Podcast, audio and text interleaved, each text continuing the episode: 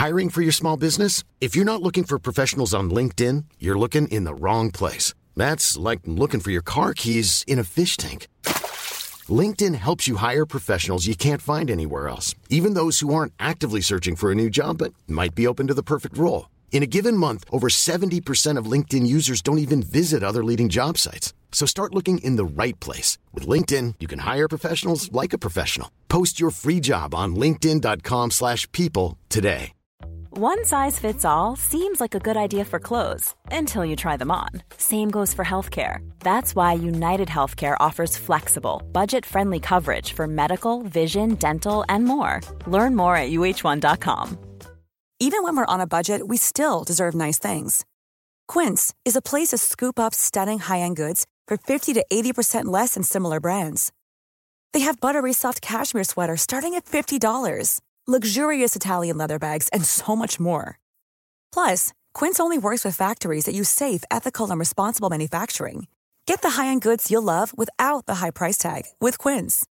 Go to quince.com slash style for free shipping and 365-day returns.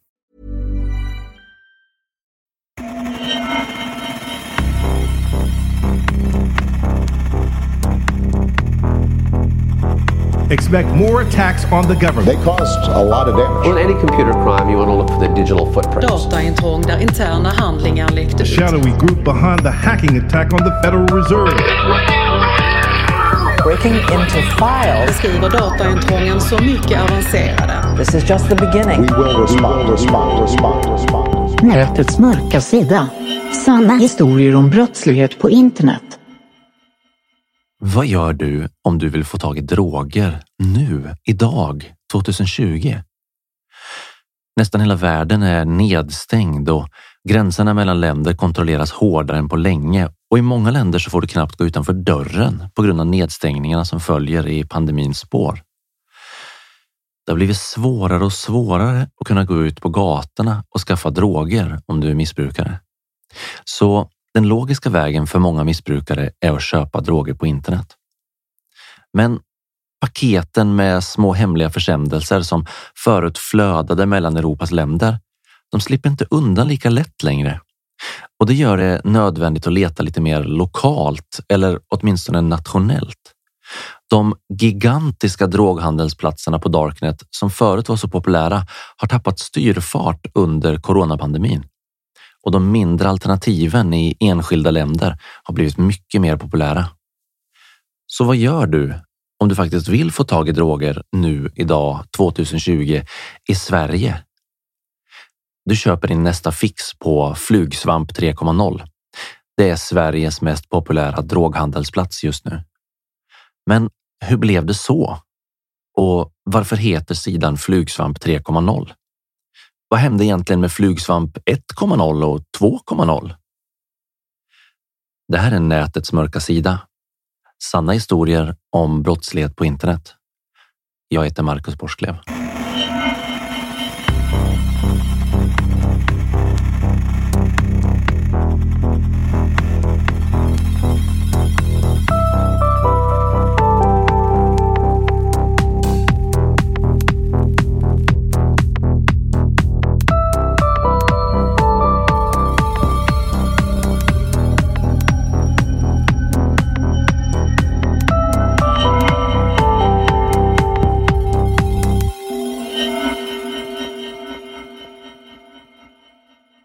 För att kunna förstå hur den svenska onlinehandeln med droger på Darknet fungerar idag så måste vi gå tillbaka i tiden till 2014. Det var nämligen då som den relativt småskaliga droghandelssidan Flugsvamp 1.0 stängdes ner av polisen.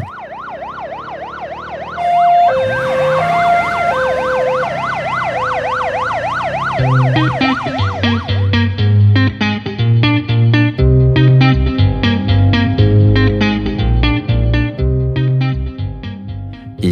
november 2014 så gjorde polisen ett tillslag mot Flugsvamp 1.0 och stängde sidan. Och när eh, Flugsvamp 1.0 stängdes ner så hade den 114 aktiva säljare och var tillsammans med Silk Road 2 och Pandora de tre största narkotikamarknadsplatserna på den svenska marknaden.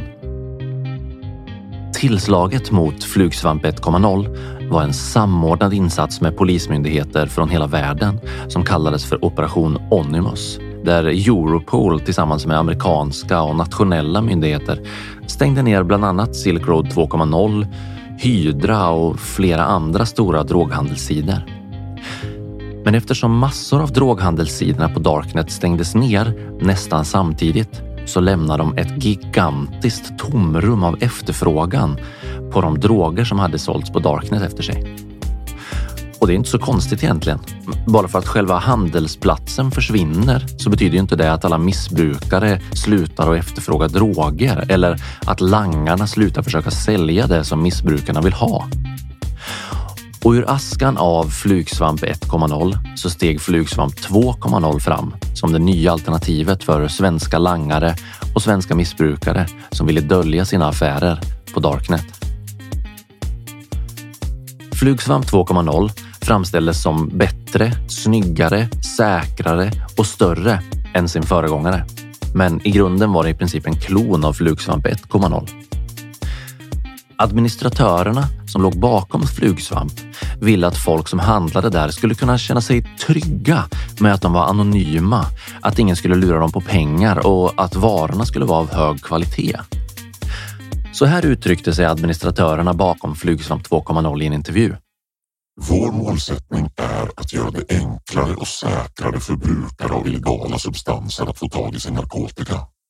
På längre sikt hoppas vi att vi med vårt goda exempel ska kunna påverka den svenska narkotikapolitiken i en mer liberal riktning. Vi vill att Flugsvamp ska vara som ett systembolag fast för droger.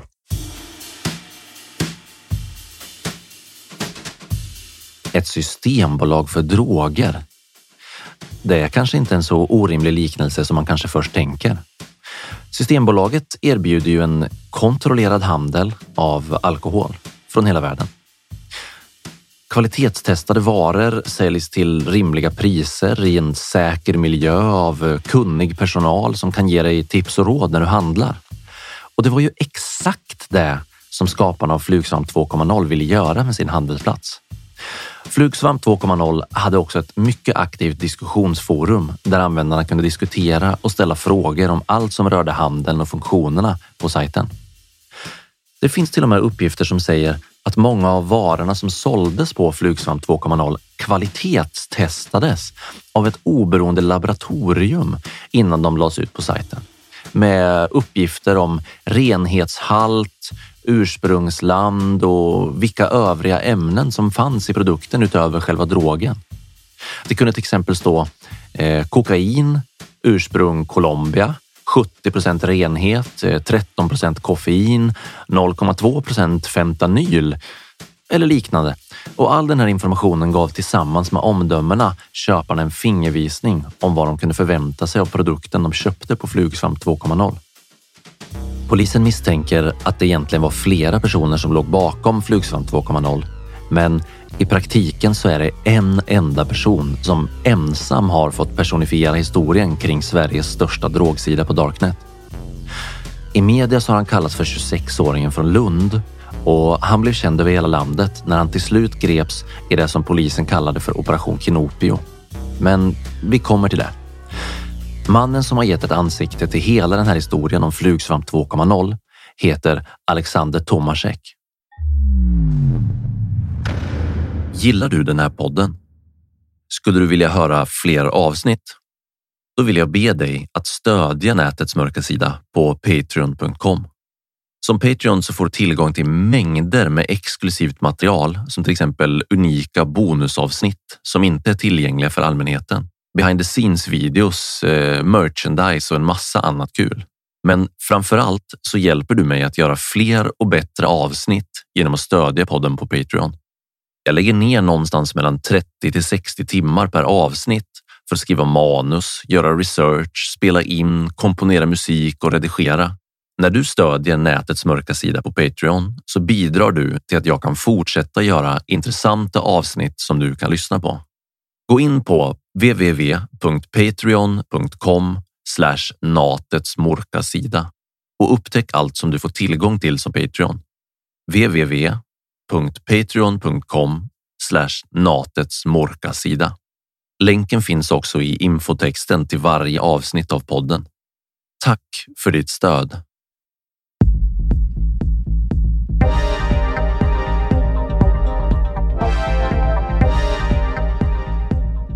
Så vem var egentligen den här killen? Alexander Tomasek som skulle komma att hamna i centrum för den största narkotikautredningen i Sveriges historia. Ja, han var en helt vanlig kille från Lund. Han bodde med sin pappa i ett vanligt radhuskvarter i Lund. Han hade redan sedan barnsben varit intresserad av datorer, men i tonåren så exploderade datorintresset och tog över stora delar av hans liv. Alexander började intressera sig för den mörka sidan av internet och det dröjde inte länge förrän han experimenterade med Tor-nätverket och började bli aktiv på Darknet. Och sen fanns det ingen återvändo. Han gick från en vanlig datanördig kille i 20-årsåldern till en förmögen, berest drogmagnat som strödde pengar omkring sig på bara några år. Ja, det vill säga ända tills polisen lyckades spåra honom. Spåra mängder av köpare och säljare på Flygsvamp 2.0 och till slut stänga ner sidan och dra igång gripanden och rättegångar.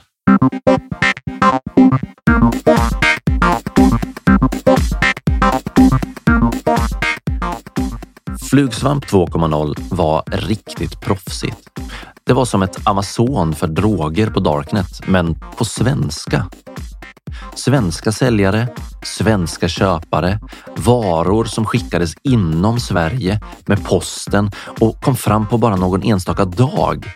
Till skillnad mot de riktigt stora drakarna som Dream Market, där det mesta som såldes skickades från andra länder, ibland till och med från andra kontinenter och både löpte risk att fastna i tullen och att bli allmänt försenade. Och här ligger kanske nyckeln till framgångarna för Flugsvamp 2.0. För tänk dig själv, en missbrukare som behöver en stadig tillgång på droger, helst varje dag, så säger det sig självt att en helsvensk droghandelssajt med trygga köp och snabba leveranser blev det självklara valet för många. Att handla droger på Flygsvamp 2.0 var enkelt. Det var precis lika enkelt som på de flesta andra olagliga droghandelsplatser på Darknet. Köparna betalar för sina droger med bitcoin som snabbt kan skickas vart som helst i hela världen utan att vare sig avsändaren eller den som tar emot pengarna behöver bli avslöjade. Så länge som allt sker på nätet, eller ja, darknet i det här fallet, så är det i princip omöjligt att spåra när du använder bitcoin.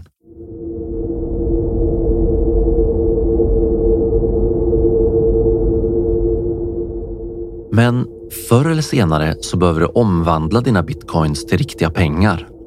Och om du dessutom vill få ut dem i kontanter så gör du polisens spårningsjobb lite lättare. När polisen hade haft en pågående utredning kring Flugsvamp 2.0 en längre tid så märkte de att någon med koppling till sajten gjorde stora mängder kontantuttag. Och alla de här uttagen följde samma mönster. Det börjar med att bitcoin växlades mot en konventionell valuta som till exempel brittiska pund eller eh, euro. Sen sätts pengarna in på ett utländskt konto och någon reser dit och tar ut pengarna från banken som man har kontot på. På så sätt så kan du få ut riktiga kontanter i utlandet från bitcoin som du har tjänat på olaglig droghandel på Darknet. Och hör och häpna här nu. Det var Alexander Tomasek själv som gjorde massor av de här uttagsresorna. Den första tiden så gick allting bra och polisen hade inga riktiga fasta bevis på att det verkligen var knarkpengar från Flugsvamp 2.0 som Alexander tog ut. Men sen gick allt åt skogen. Vid en av hans resor så fångades hela förloppet på en övervakningskamera. Det här var i början av 2018 i januari. Alexander hade nyligen växlat eh, bitcoin till ett värde av mer än 260 000 kronor från bitcoin till Hongkong-dollar och sen så hade han satt in pengarna på ett bankkonto i Bank of China. Sen reste han dit och knallade in på ett lokalt bankkontor i Hongkong och tog ut ungefär 40 000 av de här 260 000 omräknat till svenska kronor. 40 000 kronor, det är ju småpotatis egentligen, i alla fall i det här sammanhanget. Och när polisen senare beslagtog och gick igenom Alexanders telefon så skulle de hitta många foton av väskor fyllda till bredden med sedlar i höga valörer. I polisens förundersökning så nämns flera andra uttag. Bland annat ett på nästan en miljon svenska kronor vid ett enda tillfälle som Alexander tog ut i bara sedlar. Av någon outgrändlig anledning så fotade han sen ofta sedelbultarna med sin egen mobiltelefon. Kanske för att kunna skicka bilden till sina kompisar för att kunna skryta. Ja, vem vet? Men när polisen väl började intressera sig för vad Alexander sysslade med så började de också kartlägga saker han köpte och vart han reste. Och det var inga vanliga saker som han skaffade. Det var inga vanliga resor som han gjorde. I avsaknad av bättre beskrivningar så skulle man kunna kalla det han sysslar med för extrem lyxkonsumtion utan några som helst hämningar.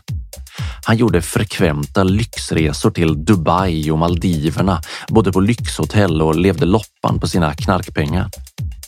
2018 så drog han iväg till Förenade Arabemiraten och började snacka med en bilförsäljare om att skaffa sig en Lamborghini för ungefär 3 miljoner. Och i chattmeddelanden från försäljaren så märks det hur han enbart efterfrågar den allra mest exklusiva tillvalsutrustningen. Inte så illa för en ung pojkskopoling från Lund som knappt har blivit torr bakom öronen, eller hur? Han ville alltid betala kontant. Aldrig kort, aldrig några banköverföringar, alltid kontanter. Samtidigt som han påbörjade köpet av Lamborghinin så hittade polisen också andra chattloggar där han bokade in sina första körlektioner. Han köpte alltså en 3 miljoners Lamborghini utan att ens ha körkort.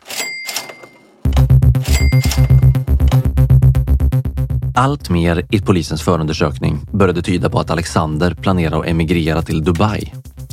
Han ville lämna den grå vardagen med sin pappa i Lund i Sverige för att bosätta sig i lyxparadiset i Dubai. Men då slår polisen till.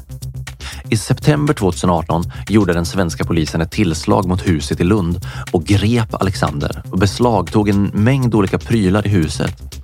Och när polisen kom så försökte Alexander hoppa ut genom ett fönster och fly, men han kom inte långt. Och det här blev slutet för hans affärer med Flugsvamp 2.0.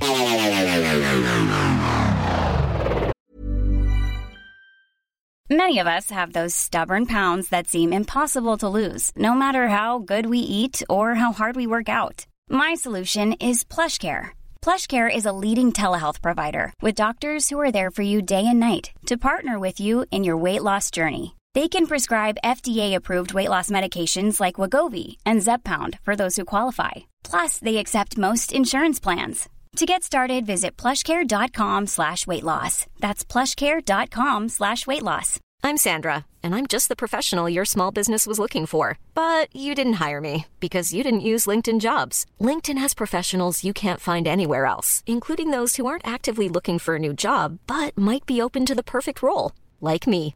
In a given month, over 70% of LinkedIn users don't visit other leading job sites. So if you're not looking on LinkedIn, you'll miss out on great candidates like Sandra. Start hiring professionals like a professional. Post your free job on linkedin.com/people today.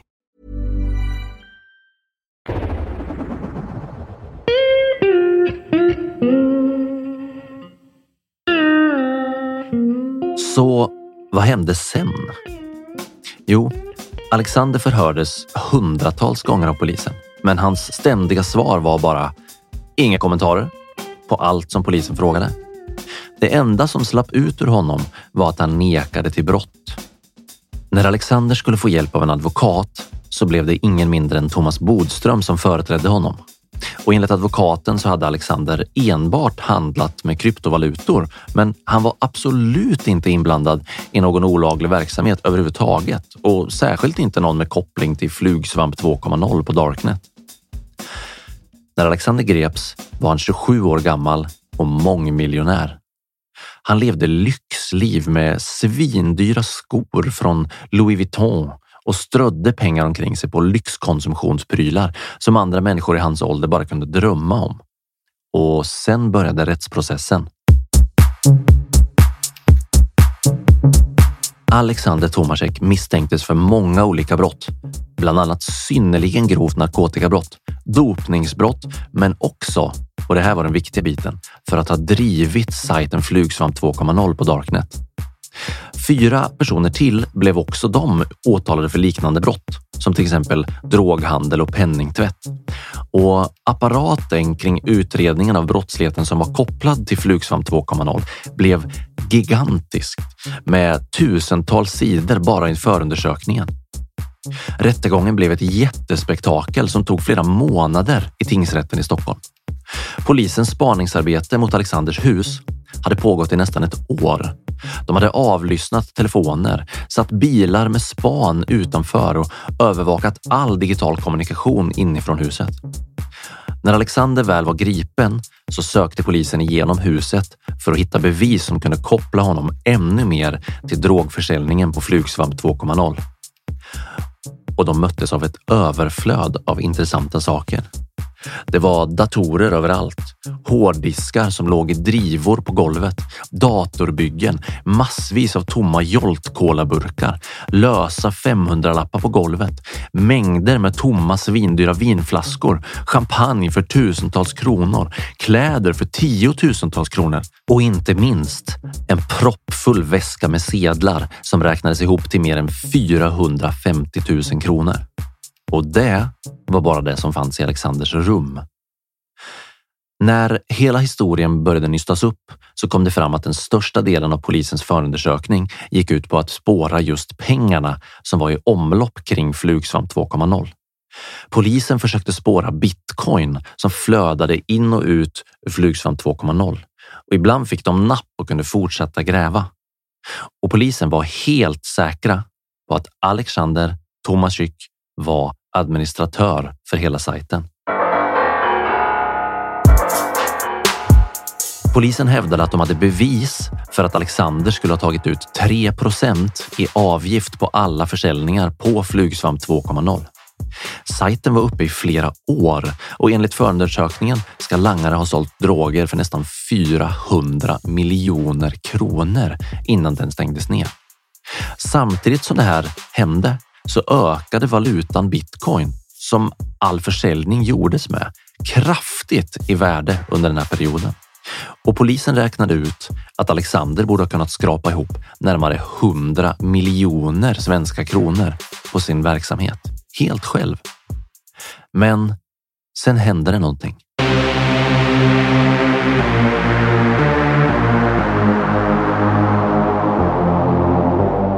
Under rättegången så fortsatte Alexander och hans advokat att hävda att han var oskyldig. Och när rättegången väl var över så friades han från misstankarna om att ha administrerat Flugsvamp 2.0. Flera av de andra misstänkta i samma utredning dömdes till långa fängelsestraff, men inte Alexander. Han dömdes för mindre brott med narkotikakopplingar, men den strafftiden hade han redan suttit av under sin tid i häktet så han behövde inte sitta i fängelse alls efter att rättegången var över. Så trots att den svenska polisen hade tagit hjälp av 24 andra länder för att ta sig igenom den största narkotikahärvan i svensk kriminalhistoria så dömdes inte huvudmannen för något annat än grovt narkotikabrott som inte kunde kopplas till Flugsvamp 2.0 överhuvudtaget. Helt otroligt. Alexander Tomaszyk, Sveriges stora drogbaron på Darknet, knallade ut ur rättegångssalen som en fri man.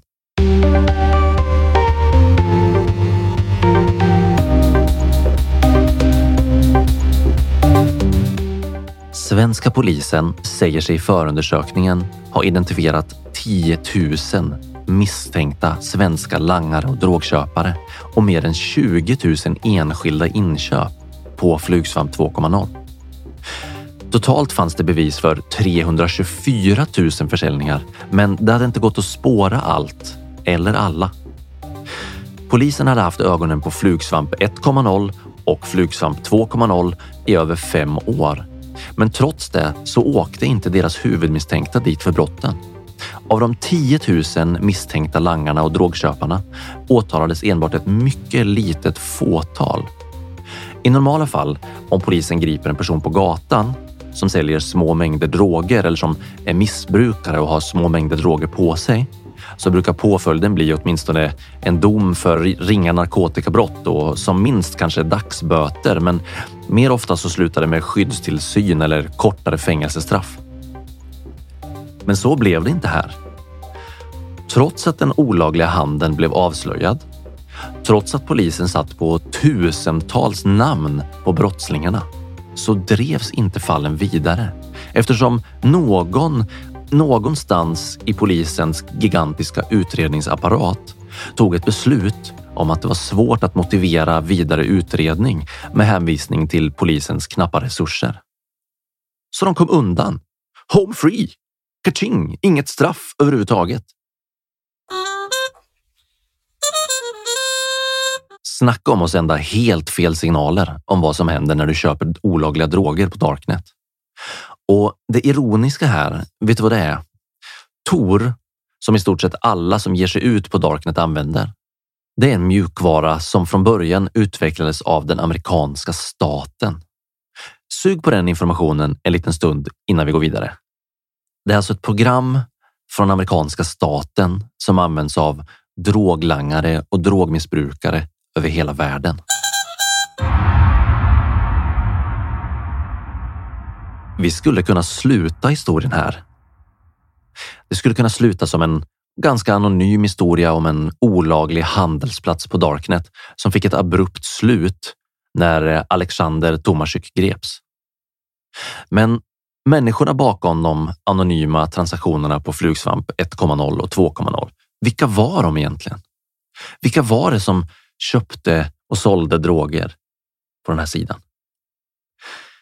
Jag tycker att det är svårt att få in historier som den här i ett sammanhang utan att kunna göra kopplingar till verkliga människoöden. Utan att få veta något om de som finns bakom VPN-tjänsterna så blir hela den här historien inte alls så otäck som den egentligen är.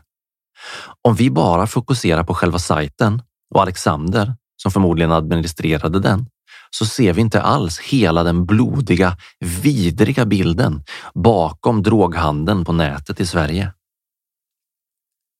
Så därför vill jag ge er några exempel på människorna bakom drogerna som såldes på Flugsvamp 1.0 och 2.0. Och vi börjar med killen från Jönköping.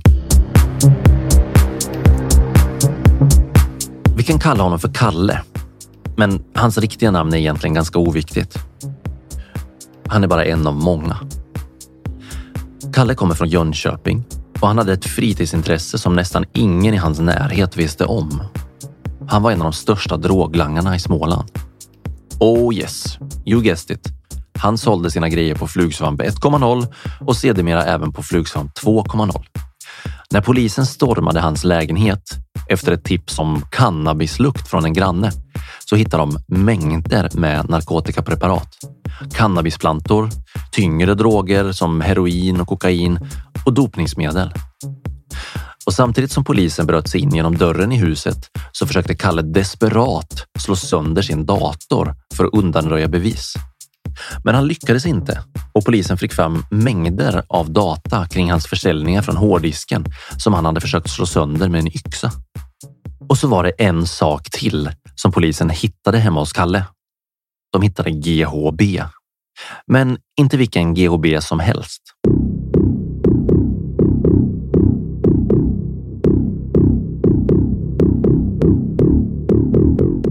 Den batch av GHB som polisen hittade hemma hos Kalle visade sig vara källan till en mindre epidemi av GHB-orsakade dödsfall som hade drabbat Småland och Skåne under året.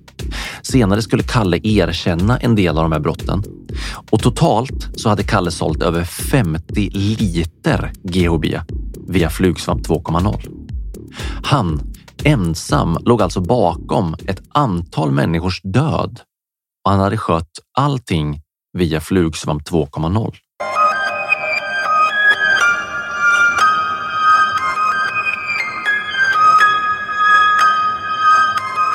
En annan drog som skördade många liv i Sverige i mitten av 2010-talet, det var Spice.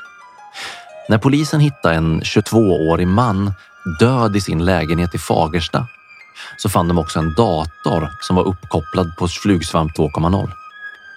Vid den datorn kunde de sedan härleda flera av dödsfallen i den så kallade Spice-epidemin till försäljningar på just Flugsvamp 2.0.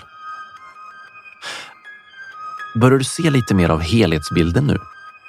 Med hundratusentals försäljningar på Flugsvamp 1.0 och 2.0 så blev det oundvikligt att någon, eller förmodligen flera, förr eller senare skulle dö av drogerna som såldes där. Men det blir ännu värre. När Flugsvamp 2.0 stängdes ner och Alexander sattes i häkte i väntan på rättegången så dröjde det inte länge innan en ny reinkarnation av sajten dök upp på Darknet i form av Flugsvamp 3.0. Flugsvamp 3.0 är lite annorlunda designad och drivs förmodligen av helt andra människor än de som tillsammans med Alexander låg bakom Flugsvamp 2.0. Men syftet och verksamheten med sidan är detsamma. Att tillhandahålla en marknadsplats för olaglig drogförsäljning på internet. Och nu så kommer vi till det sista och kanske det värsta exemplet på följderna av en okontrollerad droghandel som på de tre inkarnationerna av flugsvamp på Darknet. Det här är den sista delen i pusslet. Den handlar om Lilla hjärtat.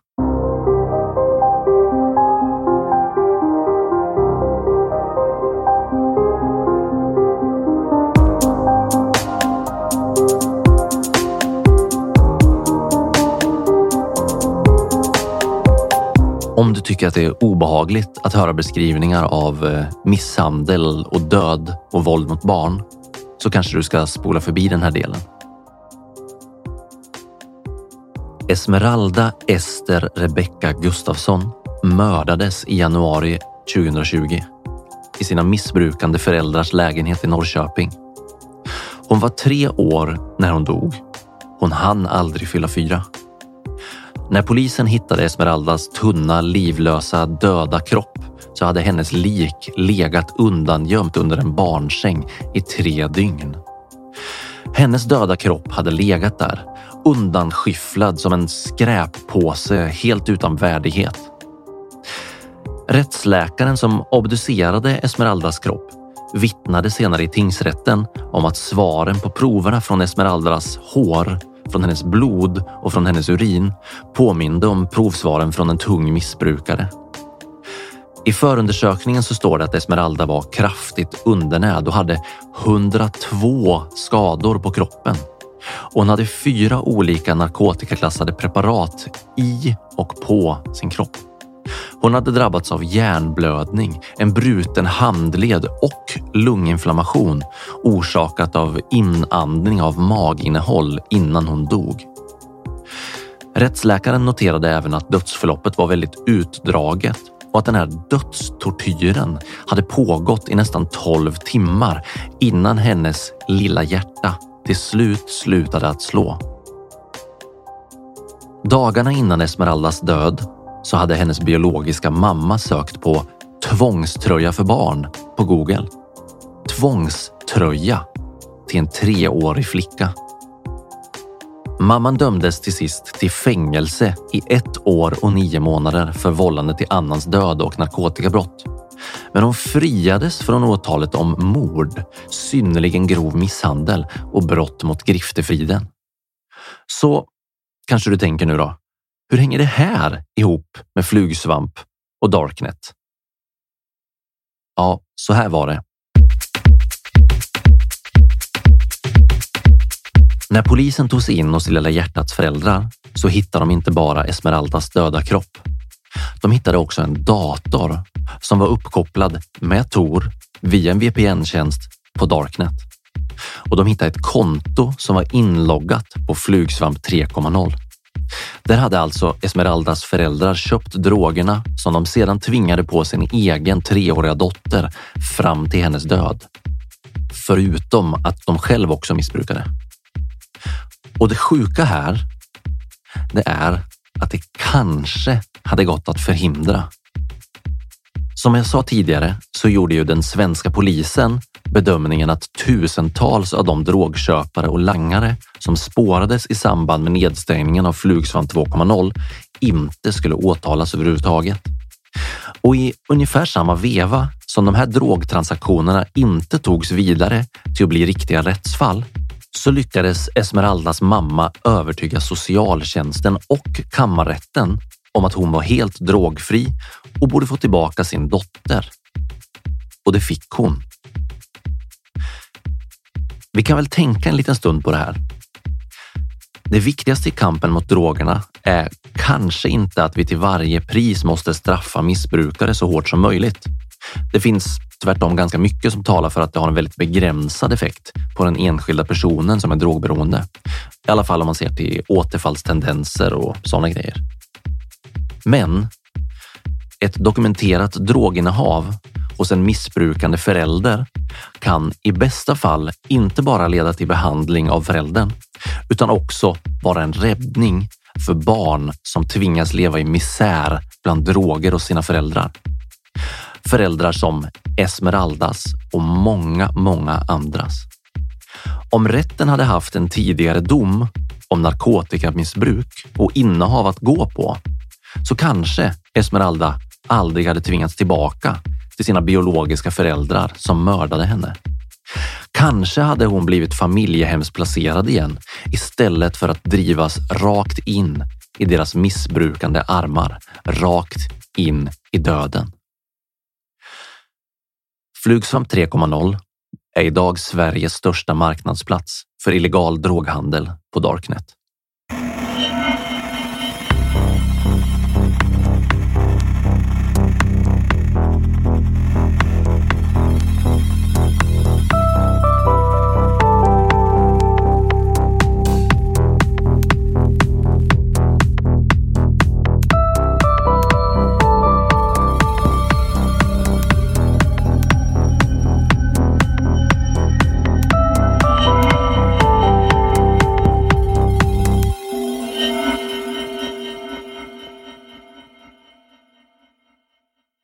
Har lyssnat på Nätets mörka sida med mig, Marcus Borsklev. Imagine the softest sheets you've ever felt. Now imagine them getting even softer over time. That's what you'll feel with Bowl and Branch's organic cotton sheets. In a recent customer survey, 96% replied that Bowl and Branch sheets get softer with every wash. Start getting your best night's sleep in these sheets that get softer and softer for years to come. Try their sheets with a 30-night guarantee. Plus, get 15% off your first order at bowlandbranch.com. Code BUTTERY. Exclusions apply. See site for details. Planning for your next trip? Elevate your travel style with Quince. Quince has all the jet setting essentials you'll want for your next getaway, like European linen, premium luggage options, buttery soft Italian leather bags, and so much more. And is all priced at 50 to 80% less than similar brands. Plus, Quince only works with factories that use safe and ethical manufacturing practices. Pack your bags with high-quality essentials you'll be wearing for vacations to come with Quince. Go to quince.com/pack for free shipping and 365-day returns. Hey, it's Paige DeSorbo from Giggly Squad. High quality fashion without the price tag. Say hello to Quince.